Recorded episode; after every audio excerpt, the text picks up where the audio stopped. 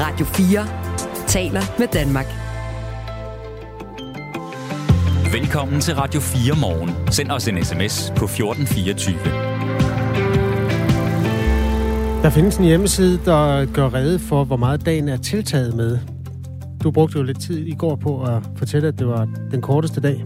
I forgårs, ikke? Når det var forgårs? I går blev dagene længere. Okay, mm. jamen der står, i, altså, at øh, dagen er tiltaget med 0 minutter. Nå, okay. Så de er stadigvæk forholdsvis korte. Hvordan kan det være?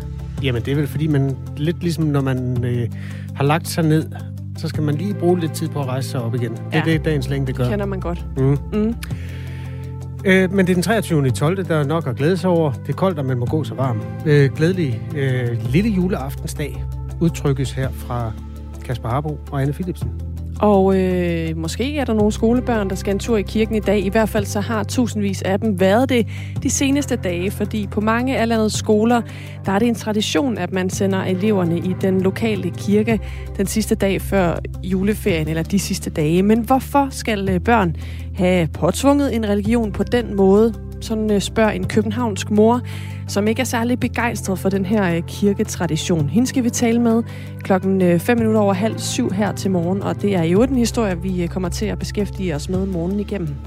Det er ikke en jul i coronaens tegn. Det er sådan en ikke-nyhed, men det er en nyhed i den forstand, at det har det jo været flere år i træk. Vi tager temperaturen på coronaen og hvad det er for øh, en omgang med den, vi skal se ind i i løbet af øh, den vinter, der jo har et par måneder i sig endnu formentlig. Henrik Ullum er direktør i øh, Statens Serum Institut og giver en status på smitten. Hvis du har nogle spørgsmål, der hører hjemme i sådan et interview, så er du meget velkommen til at skrive til os på nummeret 1424. Fra øh, Haderslev Kommunes side har man i år lavet et øh, tilbud, der gør, at unge mennesker fra kommunen kan få lov til at øh, komme hjem til jul på kommunens regning. De slipper simpelthen for at selv at skulle punge ud efter en togbillet eller en busbillet, eller hvordan man nu ellers havde tænkt sig at transportere sig hjem. 100 personer i Aarhus, Odense, København og Aalborg kan altså komme hjem til jul på kommunens regning. Og vi skal høre både fra buspassagerer og fra idémageren klokken 20.06. Når julemanden tager et lille barn op på sit skød, så plejer det her lille barn at sige, at det ønsker sig en iPhone eller en øh, Nintendo Switch eller et eller andet andet rigtig dyrt. Men når julemøllene i år møder øh, børnene ude i indkøbscentre og gågader, så er der faktisk mindre fokus på det materielle og mere på sådan de helt store ting og fokus på samvær og fred i verden. Vi skal tale med julemanden kvart i syv. Øh, Og julemanden kan godt mærke, at energikrise og krig og inflation fylder i nogle børns hoveder. Det er vel det? Ja, Eller, glædelig det var bare noget af det. Det er toppen af isbjerget, som man siger. Michael er allerede stemplet ind. Glædelig jul til alle. De bedste hilsner, Michael fra Rødovre. Hvad skal det Glædelig igen med? Jamen, det, altså, det er faktisk... Øh, der er åbent på 1424, også bare for noget så banalt og hjertevarmt som en hilsen. Tusind tak, Michael. Glædelig jul og godmorgen. Lytter til Radio 4 morgen. Før jul blev skulpturen Skamstøtten fjernet fra et universitet i Hongkong. Nu har den danske kunstner, der har udført skulpturen, forsøgt at få den tilbage, men uden held. Det her det er et øh, togtrækkeri om et kunstværk, men også selvfølgelig et stykke politik. Alt det her, det er, skal du forestille dig, skrevet på kinesisk. Skulpturen forestiller en masse kroppe stablet i et 8 meter højt tårn, og den er en slags skamstøtte over det, der er kendt som massakren ved den himmelske fredsplads i Kina, i 1989, hvor demokratiske, eller kravet om demokratiske reformer fra en masse demonstranter endte i drabet på hundredvis af unge mennesker. Jens Galschiøt er billedkunstner og manden bag Skamstøtten, som nu øh, savner sit værk. Godmorgen, Jens Galschiøt. Godmorgen, godmorgen. Vil du beskrive situationen, øh, som du har fået den udlagt? Altså, du har det her kunstværk, der har stået i Hongkong indtil, ja, det nu blev pillet ned. Ja, den blev fjernet, altså den har været fjernet et år, den blev fjernet sidste år på den her tid, og det er, hvad hedder det, øh, altså midt om natten øh, dækkede det hele universitetet, så der fjernede de den, så reporterne og, og øh, studenterne ikke kunne gøre noget. Øh, og så har den været fjernet et år siden, har jeg prøvet at få den udleveret. De gjorde det, at de fjernede det, det er meget, det er en meget stor skulptur, så de puttede den ind i en container, og så har den låst fast der. Og jeg har to advokater, jeg har to shippingfirmaer, jeg har en masse aktivister, der prøver at få den ud, og øh, øh, jeg har så ovenikøbet en kurator gående i Hongkong lige i øjeblikket, som også prøver at arbejde på det. Så jeg har prøvet lige siden at få den ud med alle mulige midler. Jeg har tilbudt selv at tage det over, jeg har gjort alting.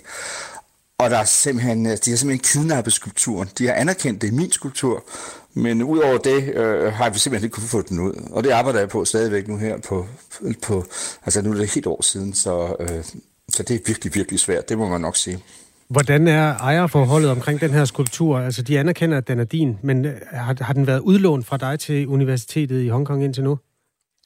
Ja, jeg udlod den til demokratibevægelsen for fem, næsten 23 år siden i forbindelse med, øh, hvor Kina blev overtaget, eller hvor Hongkong blev overtaget af Kina øh, hand over der i 97. Så stillede jeg den op der som et symbol på massakren. Så den blev givet eller lånt til, ud til demokratibevægelsen og studenterbevægelsen, som så har, har, har lånt den siden øh, mod, at den så skulle stilles op. Og det har fungeret helt fint lige indtil sidste år, hvor, de så, hvad, hvor Kina så har taget mere og mere over i Hongkong, øh, og besluttede så, at den der skulptur skulle tages ned. Eller det gjorde de ikke. De sendte et brev til demokratibevægelsen, og de skulle tage den ned omgående, øh, og at øh, de, hvis de ikke de gjorde det, så ville de sige, at det var, at det var en hjemløs skulptur, og så kunne de selv fjerne den. Og de folk sad i fængsel, da de sendte den til på det her tidspunkt. De sidder stadigvæk i fængsel i øvrigt. Og jeg tog så ejerskab over skulpturen. Det er stadigvæk min skulptur nemlig. Og det, og det er grunden til, at den ikke er blevet ødelagt. Det er grunden til, at den ligger i containeren og venter øh, på, at, at øh, jeg skal have den, men øh, de vil bare ikke udlevere den. Det er helt kafkask. Det er også øh, en budbringer om et stykke kinesisk historie, som de selvfølgelig ikke er særlig stolte af. Det skete i 1989, at der var store demonstrationer, øh, studenterbevægelser, der i tusindvis øh, gik på gaden og samledes omkring det, der hedder den himmelske fredsplads i Beijing. De her demonstrationer, de stod på i nogle uger, men blev øh, slået ned af styret, der rykkede ind både med kampvogne og øh, en hel masse bevæbnede soldater, der skød i, jamen altså, tallet af ofre, antallet af ofre er det stadig til diskussion. Nogle siger 600, nogle siger, at øh, det er, skal tælle til tusinder. Det skete både i, på øh, fredspladsen og i de der nærliggende gader dertil.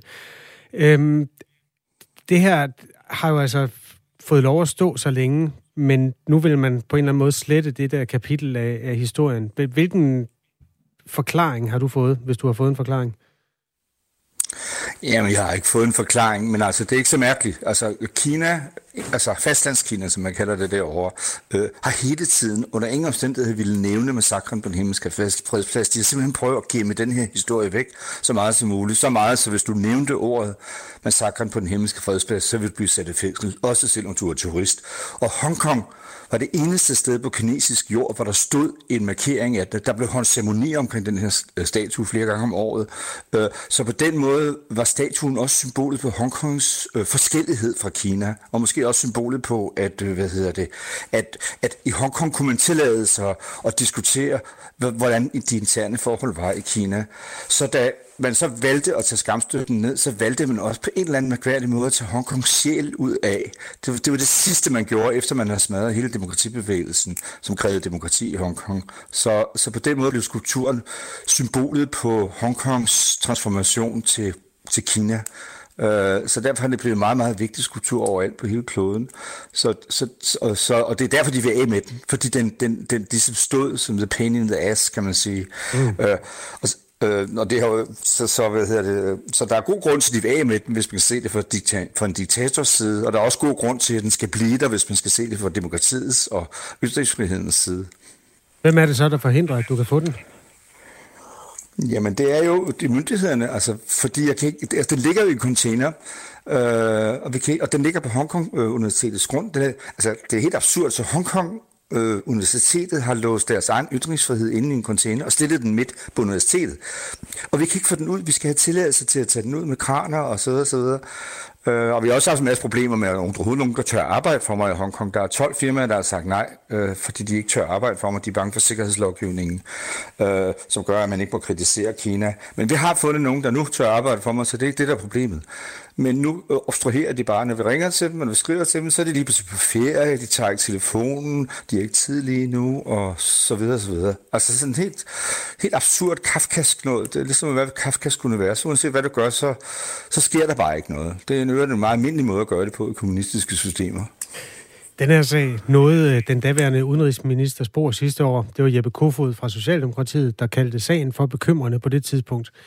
Nu er der kommet en ny udenrigsminister, Lars Løkke Rasmussen. Øhm, vil du gå i, til ham i forsøget på at få din skulptur tilbage?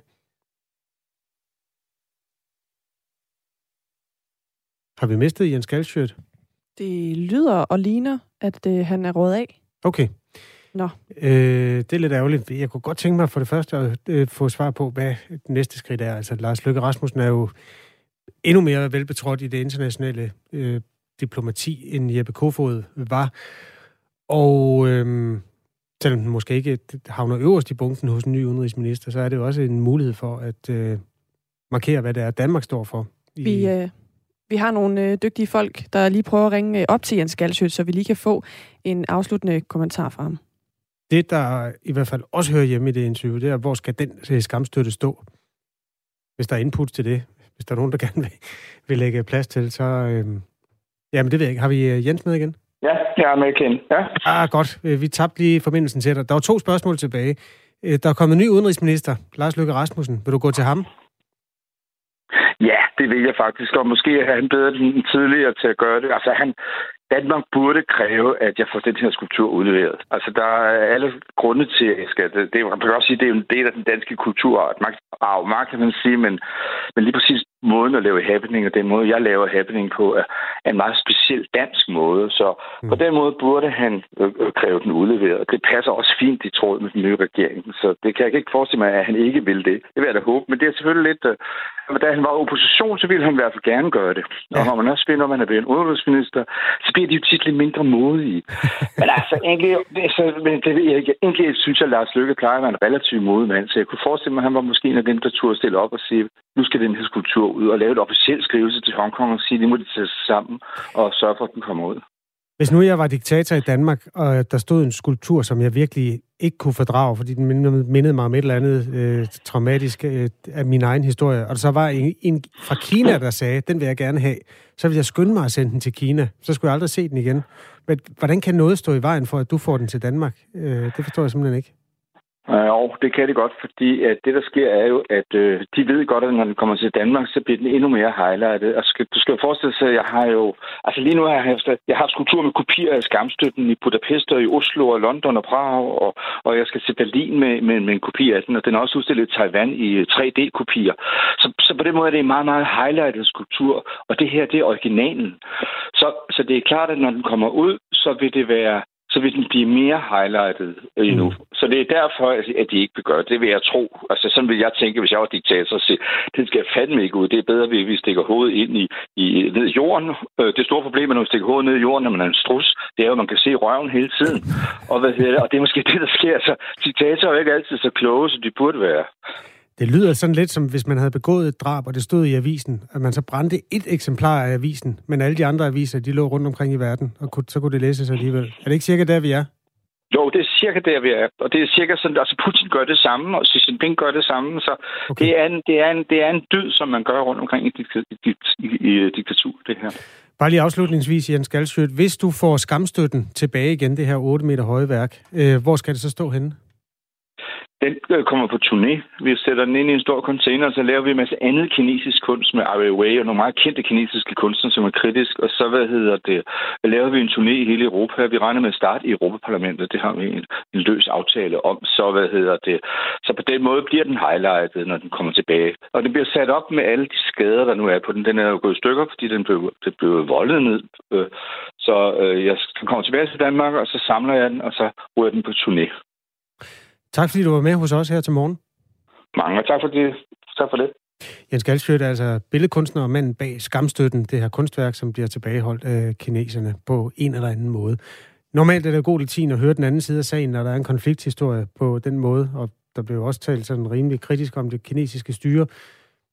Det er bare meget svært at få en kommentar derfra. Men hvis der sidder nogen og, og har et modspil til den her historie, er man selvfølgelig velkommen til at give lyd i 1424. Portrætalbum. En gæst, et musikalbum og masser af gode historier. Jeg har ikke været til nogen fester, hvor at der ikke bliver spillet et nummer, der har været på en Absolute Music CD. Vært Anders Bøtter dykker ned i tiden, musikken og de minder, det sætter i gang hos gæsten. Hvorfor tror du lige, at det er The River, der har fulgt dig igennem livet? The River definerede mig som uh, ung mand. Lyt til Portrætalbum i dag fra 17 til 19. Radio 4 taler med Danmark. Du lytter til Radio 4 morgen. Unge mennesker fra Haderslev Kommune har i år fået et øh, ret unikt tilbud. Kommunen har nemlig som noget helt nyt tilbudt 100 personer i Aarhus, Odense, København og Aalborg at komme hjem til jul på kommunens regning. Det betyder også, at der var to fyldte busser, som ankom i går sidst på dagen til Haderslev, fyldt med øh, juleglade storbyboere. En af dem er Sine Hyllelund på 30 år fra Aarhus. Lige nu der er hun på dagpenge, så derfor så lunede sådan en gratis tur hjem til jul ekstra godt. Bussen er fyldt øh, med unge mennesker. Øh, der er herlig snak og god stemning. Og øh, pyntet fint op til jul. Og vores chauffør, han er i fuld juleoutfit. Øh, Ja, har er rigtig hyggeligt. Det er et sjovt initiativ. Så er det selvfølgelig også fordi, det er gratis, og det er dejligt, når man er på dagpenge og har 0 kroner. Så er der lige lidt ekstra øh, i budgettet til julegaver. Men ja, jeg synes, det er, det er et meget sjovt lille øh, stunt at hente os hjem til jul. Mm. Og selvom øh, Haderslev Kommunes julebus er en julegestus til kommunens fraflyttede børn, så er det heller ikke helt uden bagtanker, fordi det er også en del af kommunens nye bosætningsstrategi, hvor de gerne vil have flere unge til at flytte tilbage til kommunen. Og der skal øh, den her julebus altså fungere som en lille charmeoffensiv. Og den charmeoffensiv bliver slugt råt af Hans Kappel Skav, som også har benyttet sig af Haderslevs julebus. Han er 28 år, studerer til daglig i København, og så tog han øh, turen sammen med sine kusiner og deres ven Jeppe. Ej, det synes jeg er perfekt. Altså, øh, der, altså der, skal, der skal jo bruges øh, PR-kroner et eller andet sted, og, øh, og det, at vi kan, øh, kan få en tur øh, hjem, er da godt. Øh, det, altså, det synes jeg er nogle meget nyttige PR-kroner, der er givet ud, og, og jeg, jeg, jeg, jeg har taget det på min kappe. Altså, jeg har prædiket om, om den her bus øh, lige siden jeg meldte mig til sidst i øh, øh, november, og så har jeg gået og fortalt alle, øh, alle mine københavnervenner om, øh, øh, øh, hvad jeg skulle øh, til jul. Eller ikke hvad jeg skulle, men hvordan jeg skulle komme til jul i Sønderjylland. Og, øh, og, og, og, og folk har været helt op og køre, ej, en julebus og øh, øh, alt muligt. Så på den måde, så, øh, så, så jeg vil sige, øh, øh, det har gjort godt. Det er fedt, at man øh, kan øh, flytte væk fra øh, kommunen og stadig få en, øh, en lille tanke øh, på, øh, på den måde. De 100 billetter, der var til julebussen, blev revet væk på nogle dage, og ifølge sine Hyllelund, så er julebussen der også klart at foretrække frem for toget. Når man kører med DSB, selvom man har fastbillet, så sidder man simpelthen i kilden støtten, og der pakker op så over begge ører, øh, og generelt en lidt presset stemning. Øh, når man sidder ind i toget, aftav meget seriøst her, der øh, går man ind i bussen, og så finder man simpelthen sin gamle kollega fra far, og sidder og skyder om gamle dage.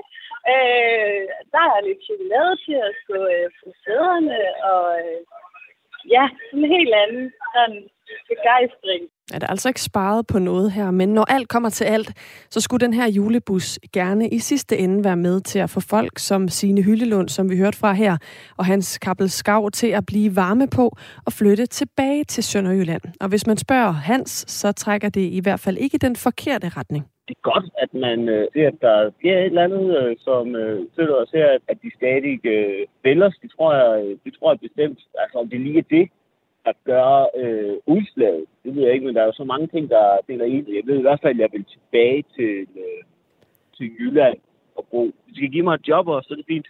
Børge Kok, godmorgen. Godmorgen. Formand for Vækst- og Udviklingsudvalget i Haderslev Kommune for Radikale Venstre, og en af folkene bag det her forslag. Nu kan vi jo høre, at der er øh, begejstring for at få en gratis tur hjem til jul. Det er måske ikke så underligt, men når alt kommer til alt, i hvor høj grad regner du så med, at sådan en gratis øh, bustur og en brochure om Haderslev Kommune kommer til at få nogle af de unge, der er flyttet væk til at komme tilbage? Jamen, umiddelbart øh, så, så ved vi øh, faktisk fra forskning, at øh, det er ikke kun det enkelte, kan man sige, stunt eller den her enkelte tur fra København eller for den sags skyld Aalborg, der, der gør den store forskel. Men det, vi ved, det er et langt sejt træk, og det her det er begyndelsen på det lange seje træk frem imod 2030, altså 2030, hvor vi gerne vil være 500 flere indbyggere i, i Haderslev Kommune. Og der ved vi, øh, som sagt, at øh, når vi øh, får øh, mindet øh, unge mennesker om, der er flyttet fra kommunen, at øh, vi har faktisk ikke glemt dem. Øh, vi vil dem noget godt, og at vi efterfølgende nu her øh, forhåbentlig øh, får lavet et, øh, et netværk, det er i hvert fald tanken bagved, et netværk med de her første 100 øh, unge mennesker, øh, hvor vi kan netop øh, melde ud, hvad der er af job i øh, området, øh, hvad der er af muligheder for øh, Øh, bosætning i øvrigt, øh, hvad der er øh, vens, øh, for der sker jo rigtig meget i Haderslev Kommune. Julebussen her, som du også er inde på, skal jo være med til at få jer i kommunen til at nå et mål om 500 flere mennesker til at bosætte sig i Haderslev Kommune frem mod 2030. Det svarer til knap 1% af kommunens indbyggertal. Er det ikke øh, på en eller anden måde en, øh, sådan anderledes øh, tilgang til det, end I har været vant til tidligere, at I gør det på den her måde, og få den her øh, julebus til måske at lokke nogen hjem? Jo, bestemt øh, er det det, og, og det er det jo fordi, øh, der er jo flere kommuner øh, i øh, randområderne, eller vandkants øh, Danmark, som vi kalder det, der øh, har den, øh, kan man sige, samme kamp, eller øh, har de samme mål. Øh, og derfor så bliver vi nødt til at være kreative øh, og anderledes øh, nogle gange, og det... Øh, det har vi så været den her gang, tror vi. Øh, vi har i hvert fald øh, fået gode tilbagemeldinger på øh, vores tiltag, og det er jo den vej, vi gerne vil vise, at vi er en moderne og nytænkende kommune. Og I har jo også i kommunen gjort en masse ud af at gøre opmærksom på den her julebus på de sociale medier. Hvis man sådan kigger på, hvad for nogle reaktioner I har fået, så er der rigtig mange, der synes, ideen er god. Men så er der også dem, der har svært ved at forstå, hvorfor der skal bruges offentlige midler på gratis busser, og jo på den måde også at en kommune skal gå ind og konkurrere med den offentlige trafik. Hvad tænker du om den kritik? Ja, og, og den, øh, den er jo fair, fordi man skal jo se det ind i den øh, større sammenhæng, som vi jo i kommunalbestyrelsen øh, ser det. Øh, det er sådan, at øh, hvis vi netop ikke lykkes med vores øh, målsætning om øh, 500 flere i 2030 af øh, indbyggere, eller for den sags skyld 1000 nye arbejdspladser, eller 250 flere øh, i uddannelse, som vi også har som mål, så, øh, så, så skal vi i hvert fald virkelig til at vende hver eneste krone for at op, opretholde den velfærd, som vi øh, har i Haderslev Kommune lige i øjeblikket. Øh, så det skal ses ind i sådan et øh, perspektiv, og øh, det, er, det er vi ikke været gode nok til at melde ud, at øh, det er sådan set et øh, must-win, øh, øh, vi er i fuld gang med, øh, for netop på den lange øh, bane og sikre Haderslev Kommune som en attraktiv kommune, der både har rigtig gode daginstitutioner og skoler, øh, godt fritids- øh, og kulturliv øh, osv. osv. Men nu er det jo øh, først om otte år, at det her mål om de 500 flere tilflyttere skal være indfriet. Til den tid har I vel ret beset ingen chance for at vide, om det så var øh, udgifterne til julebussen værd, eller om det var noget andet, der gjorde det, eller om det var tilfældighedernes spil, der gjorde, I, I nåede det mål? Ja, men vi, vi følger faktisk op i Vækst- og Udviklingsudvalget. Det er et helt nyt udvalg, vi har nedsat i den her byrådsperiode, netop for at øh, komme dybere ned i øh, forhold til øh, blandt andet at øh, evaluere og undersøge og for den sags skyld øh, øh, arbejde mere forskningsbaseret i, hvad der virker og ikke virker. Øh, og øh, vi får faktisk løbende tal på, hvordan og det går i forhold til tilflytter og fraflytter og for den sags skyld også i forhold til arbejdspladser. Så vi, vi følger meget, meget tæt op. Det er ikke bare sådan et et, et, et juleeventyr, vi sætter i gang, og så, så var det nok det. Vi kommer til at evaluere på det her, og vi kommer også til at vurdere, øh, er det noget, vi skal fortsætte på med fremadrettet. Tak fordi du var med her, Børge Kok. Værsgo og glædelig jul. I lige måde formand for Vækst- og Udviklingsudvalget i Haderslev Kommune. Var det ikke Spar, der begyndte, spørger Paul på sms'en. Og jo, det er rigtigt. Konceptet med de her julebusser er blandt andet kendt fra øh, indkøbsbutikken, hvad hedder det, supermarkedskæden Spar, ja, som har øhm, sponsoreret ture til øh, egens unge mennesker i julen. Og så er der altså også øh, nogle kommuner, der har hoppet med. Hedensted Kommune har også tidligere forsøgt sig med sådan nogle julebusser til øh, de fraflyttede unge, men har fravalgt det i år, fordi der ikke var så meget interesse fra storbyboerne. Du lytter til Radio 4 morgen. Godmorgen til jer to, og rigtig glædelig jul. Tak for god radio. Skriv et menneske. Endetal 09. Du ved, hvem du er. Og tak for din hilsen. Det varmer. Øh, Kasper fra Jylland skriver, alle børnene sad på julemandens knæ, undtagen Nick. Han sad på hans skulder. Godmorgen og rigtig glædelig jul. Det er nummer 1424, man kan skrive til. Efter nyhederne en debat om øh, skoleelever i kirker. Vi skal også se nærmere på øh, coronaen, som gudskelov ikke fylder stort set noget som helst. Den kommer lige til at fylde 8 minutter sammen med Henrik Ullum, der er direktør i Statens Serum Institut. Du er også velkommen til at stille spørgsmål, hvis du har nogen på 1424. Klokken er halv syv. Nu er der nyheder på Radio 4. Politiets efterretningstjeneste og Forsvarets efterretningstjeneste har sendt en fælles udtalelse efter mediehistorier om, at de to tjenester har forhandlet med terrordømte Ahmed Samsam om et forlig. Efterretningstjenesterne bekræfter i udtalelsen ikke, at der har været dialog med Ahmed Samsam om et forlig. Det mener, gruppe, det mener gruppeformand for enhedslisten Peter Velblund er tvivlsomt. Der er temmelig mange øh, indikatorer på, at der er foregået noget i den her sag. Altså øh, blandt andet det, som, som øh, PET og FE her henviser til, altså den forhandling omkring et forlig. Og Peter Velblom ser gerne en undersøgelse af sagen. Det ved FE og, og PET, det siger de så, det vil de hverken bede eller afkræfte. Men det er jo lige præcis det, vi skal have en undersøgelse til at få afdækket. Det dødelige stormløb på kongressen i USA den 6. januar 2021 var ikke sket uden den tidligere amerikanske præsident Donald Trumps tilstedeværelse. Sådan lyder det i en rapport udarbejdet af det kongressudvalg, der har undersøgt, hvilken rolle Trump spillede under kongresstormen. Det skriver nyhedsbureauet AP. Den centrale årsag til 6. januar var en mand, den tidligere præsident Donald Trump, som mange andre fulgte, lyder det i rapporten. Oprøret truede demokratiet alvorligt og satte amerikanske lovgivers liv på spil, står der også i rapporten. Flere personer døde under stormløbet. AP beskriver rapporten som ekstraordinær. Den har været 18 måneder undervejs. Ifølge den brød Trump loven ved at indgå i en sammensværgelse om at få omgjort valgresultatet for præsidentvalget i 2020 og ved at undlade at forsøge at stoppe sine tilhængere i at angribe regeringsbygningen. Det private russiske militærfirma Wagner-gruppen har fået raketter og missiler fra Nordkorea, som er med til at styrke Rusland i krigen i Ukraine. Det siger en talsmand for det Hvide Husets nationale sikkerhedsråd. Susanne Digmer fortæller. Wagner leder over hele verden efter våbenleverandører, der vil støtte dens militære operationer i Ukraine, siger talsmand John Kirby ifølge Reuters. Vi kan bekræfte, at Nordkorea har fuldført en første våbenleverance til Wagner, der har betalt for det udstyr, siger han. I sidste måned leverede Nordkorea raketter og missiler til Rusland, som Wagner-gruppen skulle bruge, siger han videre. En lignende anklage lød i november, hvor USA sagde, at Nordkorea har sendt granater til Rusland. Det afviste det nordkoreanske styre. Onsdag præsenterede USA's regering nye sanktioner på eksport af teknologi, som skal sørge for, at der ikke kommer nye leverancer af våben og andet udstyr til den berygtede russiske gruppe. Der vil komme flere sanktioner mod gruppen og den støtter rundt om i verden i løbet af den kommende uge, siger John Kirby. EU har allerede indført sanktioner mod Wagner-gruppen.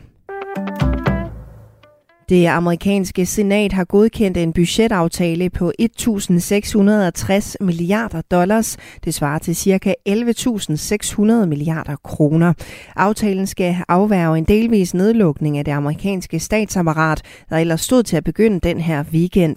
Kongressens andet kammer, repræsentanternes hus, skal stemme om budgetaftalen i dag.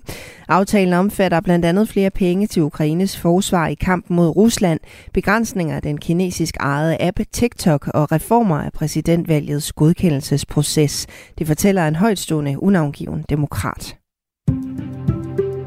I dag byder på tørt vejr i den vestlige del af landet nogen eller en del sol, men i de østlige egne mest skyet og på Bornholm en smule regn. Temperatur mellem 0 og 6 grader og svag til jævn vind, og her til morgen er der risiko for rimglatte og stedvis isglatte veje i Jylland. Det var nyhederne med Signe Ribergaard Rasmussen. Du lytter til Radio 4 morgen. Husk, du kan skrive en sms til os på 1424. Godmorgen og glædelig forjul, lyder det fra Jonas Vingegaard fra Glyngøre i Jylland. Nå da. tak for post, Jonas. Ja. Tillykke med, i øvrigt. Øh, ja, sms'en er åben, som det fremgik. Det er Radio 4 Morgen med Kasper Harbo og Anne Philipsen, og nu skal vi øh, se på noget, som de fleste skoleelever, i hvert fald mange skoleelever, har øh, skuldet de seneste dage. De har været i kirke, for på mange af landets skoler, der er det nemlig en fast tradition at slutte den sidste dag før juleferien af med en tur i den lokale kirke.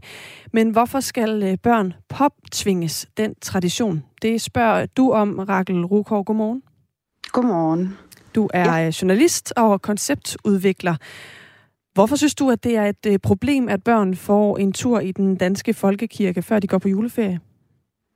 Jamen, altså, jeg forstår jo godt, hvorfor at, øh, at det passer på, på konceptet jul. Altså på hele brandet, hvis man kan sige det på den måde. Fordi det giver jo god, god mening, at man skal til at holde jul, og så, går man, så skal man høre lidt mere om kristendom. Men det her med, at det passer på folkeskolen, synes jeg ikke. Fordi der er vist, skal vist være en god sådan adskillelse mellem de to ting. Øh, og, og de kommer ind og skal sidde og, og lytte på en præst også, som der fortæller om, hvorfor, hvad der skete, og Jesus fødsel og alt sådan noget, uden at der er en, en nøgtern fortælling udenom det. Det, det synes jeg er, er lidt, uh, lidt indoktrinering. Skal, øh, skal der være en adskillelse? Altså, man lærer jo også om øh, kristendom i skolen i, i form af religionsundervisning. Jamen, prøv at høre det synes jeg også, man skal, og jeg synes også, man skal lære om alt muligt andet. Jeg har selv gået på en, en kristen grundvidiansk skole, hvor der var morgensang og det hele, og jeg har lært rigtig, rigtig meget om religion, og havde nogle fantastiske kristendomslærer, som det hed på den skole, som var rigtig gode til at fortælle om, prøv her, nu skal vi høre om forskellige religioner, vi skal høre om, om hvorfor vi skal have kontekst og alt sådan noget. Men når man står der i en kirke, så bliver historien jo fortalt som en historie, øh, som, som at grunden til, at vi skal have fri nu, og det er grunden til, at det her rum eksisterer, det er, at Jesus han blev født. Øh, så, øh, så jeg synes ikke, det er lige så nøgtern, som når en underviser står og fortæller. Eller hvis man for eksempel går ud i andre, når man kommer også ud og kigger på øh, hvad hedder det, moskéer og synagoger og måske også templer og alt sådan nogle ting. Og der er det jo tit en rundvisning, hvor man går rundt og kigger og får lov til at se ting af de forskellige områder. Her der er det simpelthen røv til sæde, hvor du skal sidde og lytte. Øhm.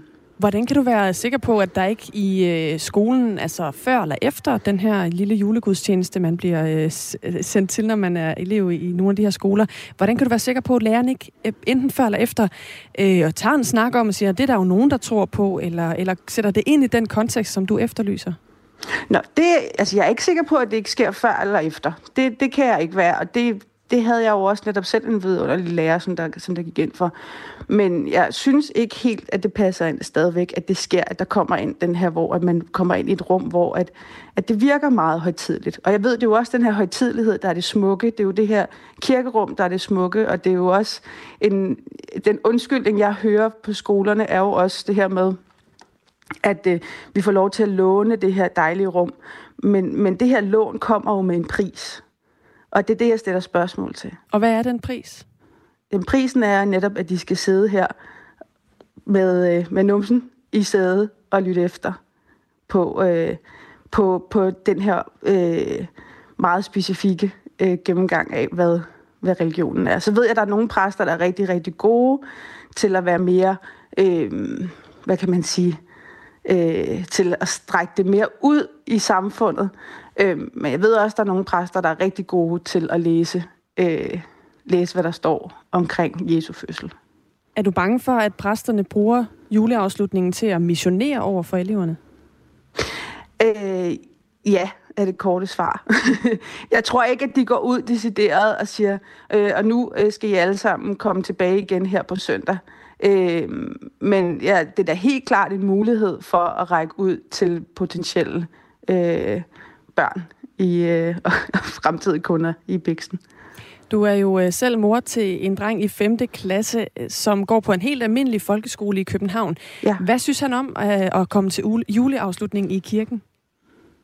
Altså først og fremmest så synes han, det ikke er han synes, det bryder øh, helt det her, han har med, at, at det handler om at have det her fællesskab med sine klassekammerater. Så for det, det er også heller ikke særlig spændende, fordi at han har lige været sammen med sine klassekammerater og hygget sig, og så skal han derind. Øh, for det andet, så siger han selv, da han kom hjem i går, noget af det første, han sagde, det var, mor, det er som om, de tror, vi alle sammen er kristne. Og det er et problem? Ja, især hvis det bliver talt sådan til dem, fordi de er jo ikke alle sammen kristne. Vi skal ikke tale til børnene, som om de alle sammen er kristne. Det andet er, hvis vi havde valgt, hvis vi ligesom havde købt pakken, øh, en kristen øh, skole. Men øh, vi har faktisk valgt, vi har mange skoler, der ligger i vores lokalområde, og vi har faktisk valgt en skole, som ikke er kristne, som er en folkeskole, fordi vi vil gerne have et sted, hvor at der var mere øh, åbenhed omkring, øh, hvad man kunne være. Vi får øh, nogle sms'er ind på vores sms-nummer 1424, blandt andet Jens Larsen fra Jyllinge, der skriver, Danmark er et kristent land, så enkelt er det. Altså, det er jo et land, vi bor i, der er bygget på kristne værdier. Det står også øh, nævnt i grundloven. Og her har vi så skoler, der samarbejder med Folkekirken. Er det ikke en meget naturlig måde at gøre det på? Altså, jo, jeg, som sagt, jeg forstår jo godt, hvorfor. Altså, jeg forstår også godt, at vi er et kristent land, og det, det underminerer jeg heller ikke overhovedet. Det har jeg også fortalt mit barn. Øh, jeg nyder også selv øh, højtidligheder. Øh, jeg synes, at riter og ritualer kan være fantastisk smukke, også i en kristen sammensætning. Jeg stiller bare spørgsmål til, hvorfor den dag? Jeg synes, hvis de havde gjort det dagen før, og netop var på sådan en skoleekskursion, det vil jeg acceptere meget mere. Men det der med, at det bliver en del af ritualet, nu går vi på juleferie, så skal vi ind i kirken og høre en præsttale. Det er det, jeg stiller spørgsmål til. Det skal jeg simpelthen lige forstå, Rakel Rukov. Hvad er det ved lige præcis det, der er problematisk? Hvorfor er det noget andet, hvis man gør det dagen inden? Fordi hvis man gør det dagen inden, så, kan det, så er det ikke sat op så højtidligt. Hvis man gør det dagen inden, og man gør det netop til en skoletur, hvor man går rundt og kigger i kirkerummet, hvor at, at præsten kan fortælle, hvad det er for noget, hvor man ligesom laver det til en undervisningssammenhæng, så er det noget andet. Men det her det er jo ikke en undervisningssammenhæng. Der findes det, ikke... det her det bliver nærmest et ritual i sig selv. Og jeg forstår ikke, hvorfor man ikke kan lave det her, enten lånerummet, uden at man taler så meget med en præst, eller at man, at man tager den her, laver den her hyggelige, øh, dejlige stemning i for eksempel gymnastiksalen eller lignende. Der findes ikke nogen opgørelse over, hvor mange skoler, som bruger den lokale kirke til juleafslutning, og det er også skoleledelsen på den enkelte skole, som sammen med skolebestyrelsen beslutter, om eleverne skal i kirke før jul. Og derfor så er det selvfølgelig også meget øh, almindeligt, at man gør det forskelligt fra skole til skole. Øhm, du siger flere gange det her med, det er det højtidlige i det, og, og sådan, øh, måske også ritualet i at gøre det på den dag, på den her måde, som, øh, som adskiller sig. Men du siger jo også, at du godt kan forstå, at man i for eksempel religionsundervisning tager ud og besøger forskellige regioner. religioner. Er det ikke øh, meget det samme, man får ud af det? Altså det kan godt være, at der ikke lige bliver afbrudt af en lærer undervejs i den juleafslutning, der er i kirken, men i sidste ende er det så ikke det samme indhold, der er, og den samme, øh, de samme informationer, børnene får ud af det, afhængigt altså om man øh, går i kirke på den her måde, eller om man besøger en anden religion og hører om deres ritualer? Øh, det, det korte svar er nej, det er ikke det samme. Øh, fordi når du kommer ud med en skole, når du kommer ud med en lærer, øh, og du går rundt og undersøger et kirkerum, øh, hvad enten, eller et helligt rum, så, så går du jo rundt og peger og får forklaret og får fortalt, og du får også mulighed for at stille spørgsmål. Det gør man ikke lige i den her kontekst her. Gør man, gør man aldrig det? Altså, kan man, er der ikke plads til det i den her tradition? Øh, ikke, den, ikke når jeg har været inde og set den på min søns skole. Så har det været, så har det været ikke, det har jo ikke været en gudstjeneste, der er ikke blevet sagt fader hvor, men, men det har været noget med, at man skal sidde ned og være stille, og så synge med og lytte efter. Er det ikke meget sundt, at børn skal det en times tid, øh, inden de går på juleferie? Hvis problemet er, at de skal sidde ned og være stille og høre efter. Øh, om det er meget sundt, at de sætter sig ned og tiger stille og lytter efter en times tid i skoleferien. Øh, øh, øh, jeg tror ikke, at du kan gå ind og sige, lad have noget sundhedsbaseret evidens, der siger, at det er øh, gavnligt for børn at have en time, hvor de sidder ned og er stille. Så spørger jeg bare lige på en anden måde. Er det ikke øhm, en meget sådan, øh, hvad kan man sige, naturlig del af det at gå i skole, at man har en time, hvor man skal det, altså sidde og tage imod noget information jo, jo. og lytte efter? Jo, jo, fuldstændig. Det er da en kæmpe to, stor naturlig del, at man skal sidde ned og lytte efter, men der er det jo også en lærer, der fortæller. Tak fordi du var med her til morgen, Rakel Rukov. Det er så lidt. Der er altså mor til en... jul. I lige måde. Glædelig jul. øh, mor til en dreng i 5. klasse, som øh, altså her øh, satte gang i den her debat om, hvorvidt det er på sin plads, at skoleelever skal øh, gå i kirke lige en juleferien og sætte sig ind i kirkerummet på den måde, som man gør det på flere skoler. Øh, klokken 5 minutter over halv otte, der taler vi med landsformanden for skole og forældre, Rasmus Edelberg, som jo er en øh, organisation for landets skolebestyrelser. Og ham skal vi selvfølgelig også høre ad, om han synes, det er en god idé, at man sender skolebørn i kirke inden juleferien. Lige nu der er klokken kvart i syv. Radio 4 taler med Danmark. Jeg bliver nødt til at fortsætte den følgetong, jeg begyndte i går. Der findes en gigantisk brainstorm ude på internettet, der Ja. hedder borgerforslag.dk. Ja. Det er et forslag, der hvis de får 50.000 øh, opbakkende ja, thumbs up, altså folk, der logger ind med nem idé og skriver under på de her borgerforslag, så skal politikerne tage dem op. Og så siger politikerne tit, ah, det kommer ikke til at ske. Men, Men ikke tak, desto for, mindre. tak for input. Det er en super idé. Ja. Øhm, Vi siger nej tak. Ja. Nå, men ikke desto mindre, så er det et udtryk for, at øh, idérigdommen i vores samfund, den er lige så stor, som den altid har været. Og jeg kunne godt tænke mig at læse endnu et øh, forslag op, som Kom med er det. kommet. Det er kommet ind i slutningen af november, det her. Det er en mand, der foreslår, at man skal indføre nordamerikanske pungrotter i dansk natur, for at øh, bekæmpe flåter. Okay. Jeg læser op. Danmarks Naturstyrelse bør i samarbejde med sine kolleger fra USA indføre den nordamerikanske pungrotte til danske skove, med særlig fokus på de skove, der er hårdt ramt af borrelia og TBE. De danske flåter spreder sygdomme og er forbundet til både udbrud af borrelia, øh, og så nævnes der nogle andre sygdomme, og andre flåtborne mikroorganismer, der kan være skadelige. Det er derfor på tide at indføre en art til Danmark, der kan tage sig af dette problem. Flåternes største fjende i naturen er den nordamerikanske pungrotte, Didelphis virginia. Øh, indførsel af denne art vil derfor være den mest effektive måde at bekæmpe flåterne på. Lyder dette forslag, der altså kom op den 30. november, og fra den dato har et halvt år til at samle 50.000 underskrifter.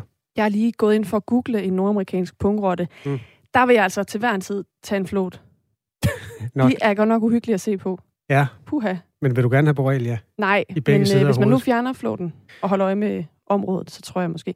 De er meget skildrede, faktisk, ser jeg nu. Øh, rotterne? Ja. Nå, okay. Er det jeg godt eller skidt? set, jamen, det ved jeg ikke. Det er, bare, det er bare, hvis man ikke har set en øh, nordamerikansk pungrotte før. Øh, nej, men det bliver... Ej, det, jeg skal lige ud af det her nu. Det er et f- øh, forslag, der indtil videre ikke ser ud til at blive til noget, kan jeg så glæde dig med. Der er 17, der har skrevet under, siden det kom op for 23 dage siden. Så den parkerer vi der og siger, hvis du vil støtte forslaget om indførsel af nordamerikanske pungrotter i dansk natur, så find dit øh, gode gamle MitID frem og skynd dig ind på borgerforslag.dk. Jeg er nødt til lige at sige en kort ting. Ja, det må du gerne. Øh, det er åbenbart en specifik pungrotte ved navn Heidi, som er skildret. Okay, det er kun nu. den Ja. ene. Ja. Det er godt nyt. Det her er Radio 4 morgen. Det bliver en helt almindelig god gammeldags jul. Det er der sådan set ikke noget nyt i, men det er der jo alligevel, fordi der har været noget, der måske nu bare føles som en fjern ond drøm. Nemlig nogle jule, hvor Søren Brostrøm sagde, at vi kun måtte nynne, når vi gik om juletræet. Der skulle stå en flaske med håndsprit, og vi blev dækket op med god afstand. Der var mange, der skippede det der med at holde hinanden i hånden, når de gik om juletræet. Julefreden har simpelthen været fuldstændig forstyrret af coronasmitten, men i år bliver det ligesom det plejer at være. Også selvom Statens Serum Institut spår, at øh, smitten med covid-19 vil sprede sig hen over julen. Henrik Ullum er direktør for Statens Serum Institut, og med os nu. Godmorgen. Ja, godmorgen. Hvor, hvad er status på smitten med corona i Danmark lige nu? Ja, status med corona lige nu, det er, at vi ser en stigende smitte i, spildevandet. Øh, og det er altså, hvor vi måler, hvor meget virus der er nede i, i vores spildevand. Og så ser vi samtidig en fortsat stigning i den gruppe af befolkningen, der tester sig lige så meget, som de har gjort hele tiden. Og det er de ældre, det er dem over 70, og især dem over 80 år. Der ser vi en fortsat stigning. Det, der driver smitten, det er altså øh, vinterens komme, øh, og så er det samtidig hvad hedder det, nogle nye undervarianter af øh, omikron, som er gode til at smitte os, selvom vi har en immunitet. Og det er altså, hvad enten vi er øh, blevet immune ved at være vaccineret, eller immune ved at være øh, blevet smittet. Samtidig skal vi så også lige huske, at vi har faktisk også stigning øh, i influenza. Det er ikke, fordi vi har høje øh, smittetal på nuværende tidspunkt influenza, men de peger altså også i en ganske bestemt retning, og det er opad.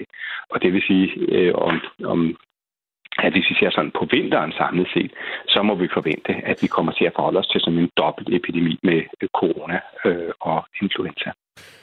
Når man så kigger på øh, de der antallet af indlagte på hospitalet, der har corona, i den seneste opgørelse, jeg kan se, der står der, at der er 546, der ligger indlagt på hospitalet, som har en positiv coronatest. Øhm, det var det der barometer, vi blev fortalt, at vi skulle holde så godt øje med sidste år, fordi hvis det tal det blev for stort, så ville hele Danmarks sundhedsvæsen bryde sammen under byrden af alle de smittede. Nu er der jo mange af dem her, der bare måske har brækket ben, og det var der, altså, det, det er det, der hedder mørketallet. Øh, altså, der er nogen, som er på grund af corona på hospitalet, og så er der nogen, der bare har den med derind i et andet øh, ærne. Hvor mange har alvorlig corona i øjeblikket af sådan 500? Har du noget overblik over det? Ja, men det, når vi skal se, hvor mange der er sådan her rigtig alvorlig øh, corona, så et af de steder, vi kan kigge hen, det er hvor mange der ender i intensiv. Øh, og det er, øh, det er typisk 10-15 stykker, der har ligget det sidste stykke tid. Det er selvfølgelig måske tallet her at gå lidt op af, men det er ikke mange til at belaste et øh, stort, robust sundhedsvæsen øh, som, som det danske. Øh, men det er klart, at hvis vi så samtidig har øh, øh en, en epidemi, som, som gør, at der er meget personale, øh, Øh, der bliver syge. Og der er mange patienter, og vi ved, det ved vi jo alt om, at vi har et sundhedsvæsen, der har travlt og rige til at se til. Så er det klart, så kan det, at vi har en, en epidemi med, med både corona og, og hvad hedder det, influenza hen over vinteren, det kan så alligevel godt samlet set være med til at presse øh, et sundhedsvæsen, også på grund af, af sygdom blandt personale. Henrik Ullum er altså direktør i Statens Serum Institut, der holder øje med de her vira, der florerer i vores samfund. Blandt dem også corona. Det er politikerne og det er Sundhedsstyrelsen, der bestemmer, hvad man så skal gøre.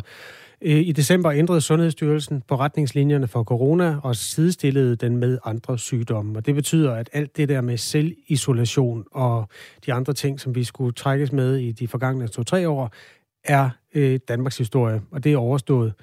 Henrik Ullum, når du anskuer et samfund som det, vi har i dag, hvor vi lever fuldstændig, som vi altid har gjort, og øh, sidder tæt og leger pakkelej og rører ved de samme ting og øh, slikker på det samme konfekt, øh, og, og kan jagtage, hvordan øh, smitten flyder rundt nu i et samfund, der egentlig ikke bryder sammen på nogen måde, så kan, tænker du så, at det var lidt voldsomt, at vi lukkede ned på den måde, vi gjorde?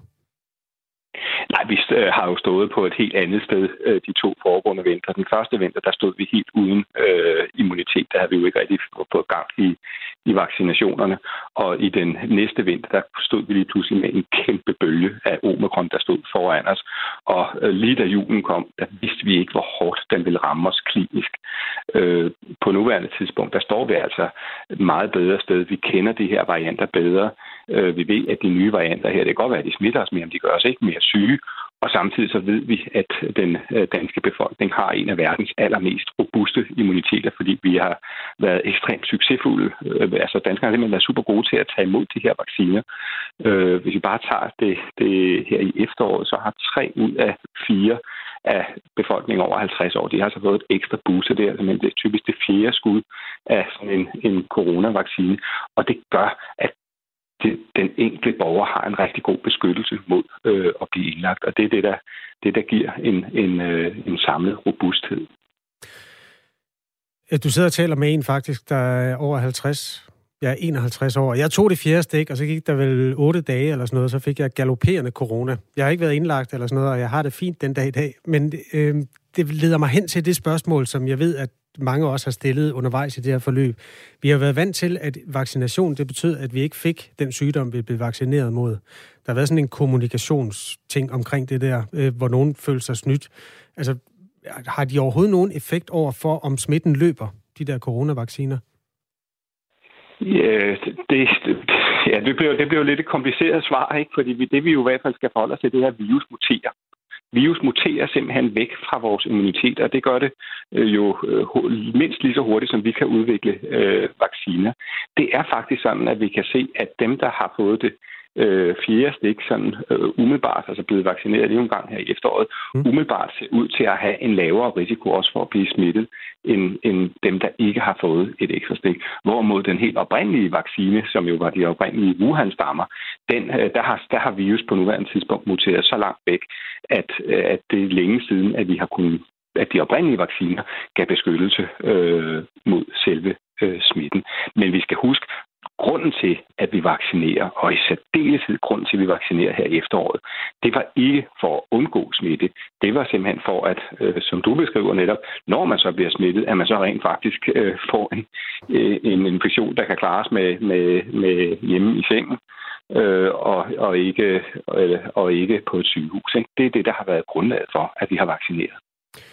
Smitten med influenza spreder sig lige nu, og smitten med corona spreder sig lige nu. Øh, og Serum Instituttet advarer om en dobbelt epidemi.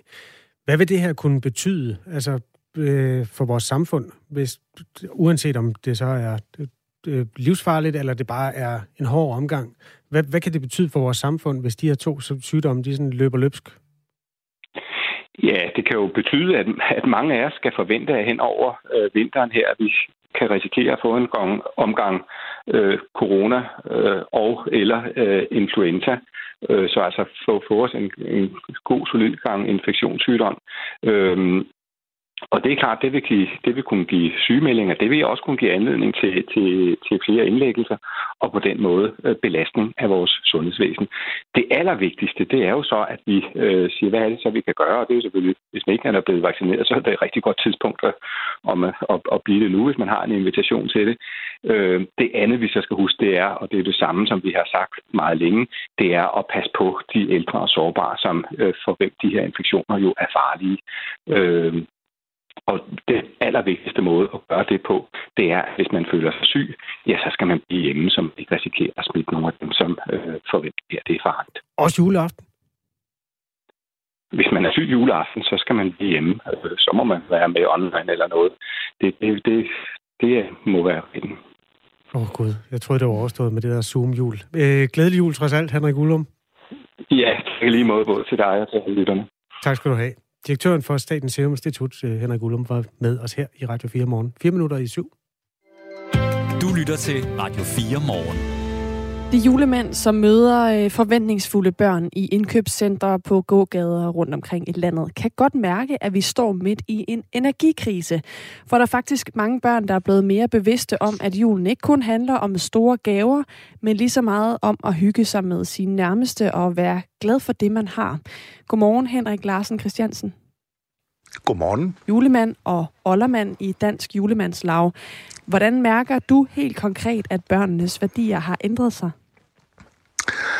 Jamen, det mærker vi jo igennem vores snak med, med børnene, når vi er ude, at øh, det er jo ikke kun øh, julegaveønskerne, vi egentlig får at vide af dem. Vi, vi, vi får en snak om, hvordan og hvorledes øh, de går og har det her op til jul, og, og hvad de ønsker sig, og, og jamen altså sådan, de, de børn lukker op og har en, en tiltro til julemanden, så, så vi, vi, får, vi får en, en dejlig masse ting at vide. Og de, øh, jamen, der er nogen, der er ganske bevidst om det, og, og, og det er jo sådan lidt, jeg tror, det er lidt geografisk, fordi øh, kommer du nu i et område, noget, noget, noget storby, hvor du har masser af fjernvarme og, og et fjernvarmeværk, som ikke har øh, haft alt for stigende priser kontra, hvis du er ude i sted, hvor der har været naturgas og noget, så, så kan man godt høre, at, at de børn, vi har vi møder derude, at de har de har nok oplevet i hverdagen, at, at der er lidt færre penge at, at gøre med, og øh, jamen, de har det også i skolen. Øh, der, der er det også noget, de arbejder med. Hvad siger og er de så til så... jamen, øh, jamen, du kan... Øh, sådan generelt, så hører vi jo bare, at, at øh, ønskerne er nedjusteret. Det er, øh, det er måske ikke en ny telefon, eller en, en Playstation, eller en iPad, eller, eller sådan noget i år, eller Øh, men, men nedjustere til noget, øh, et spil, øh, eller et eller andet, og, og, og som, øh, der er jo også nogen, der det kommer og siger, jamen, det vigtigste er jo, at vi kan, at vi kan hygge os med vores, øh, med vores familie, og øh, så, så, så jo, det, det er, øh, det, det, de giver udtryk for, at at, øh, at det ikke er det samme øh, gaveræs, kan man sige nu. Hvad svarer man egentlig som julemand, hvis man øh, får et barn hen til sig, som, som tænker meget over de her sådan lidt mere voksne tanker? Jamen, øh, hvad svarer man? Jamen, det, det, er jo, det afhænger meget af situationen, du står i, men, men du forsøger jo på ligesom at, øh, uden at det skal blive øh, for pædagogisk og noget, altså du, du skal jo, julemanden skal være en, en person, som de forbinder med noget glæde og, og noget, og der så forsøger man jo selvfølgelig at, at, at sige, jamen altså, øh, fremhæve nogle af de ting, som, som man ved, jamen det, det, det er noget af det, de højst sandsynligt kan have med at gøre, øh, uden at det er for dyrt. Og øh, det kunne jo være øh, med nissen, der er flyttet ind, og, og, og hvilke drillerier den har med, og, og hvordan de håndterer den, og så, og så ligesom sige, jamen i stedet for, at de skal koge risengrød til, til nissen hver dag med, med det nu efterhånden dyre smør, øh, så kunne det jo være, at man siger, at nissen kan indeholde, eller kan spise tre pebernødder om dagen. Mm. Fordi nissen er jo ikke er så stor, så kan man jo godt nøjes med, med tre pebernødder til den, og det, det bliver jo lige pludselig mere overkommeligt og, og nemmere at have med at gøre, og så er der faktisk mange, som, som leger rigtig meget med på, mm. på de nisseløjer, der er. Tak fordi du ville fortælle om det her til morgen, Henrik Larsen Christiansen, altså julemand og oldermand i Dansk Julemandslav. Klokken er syv.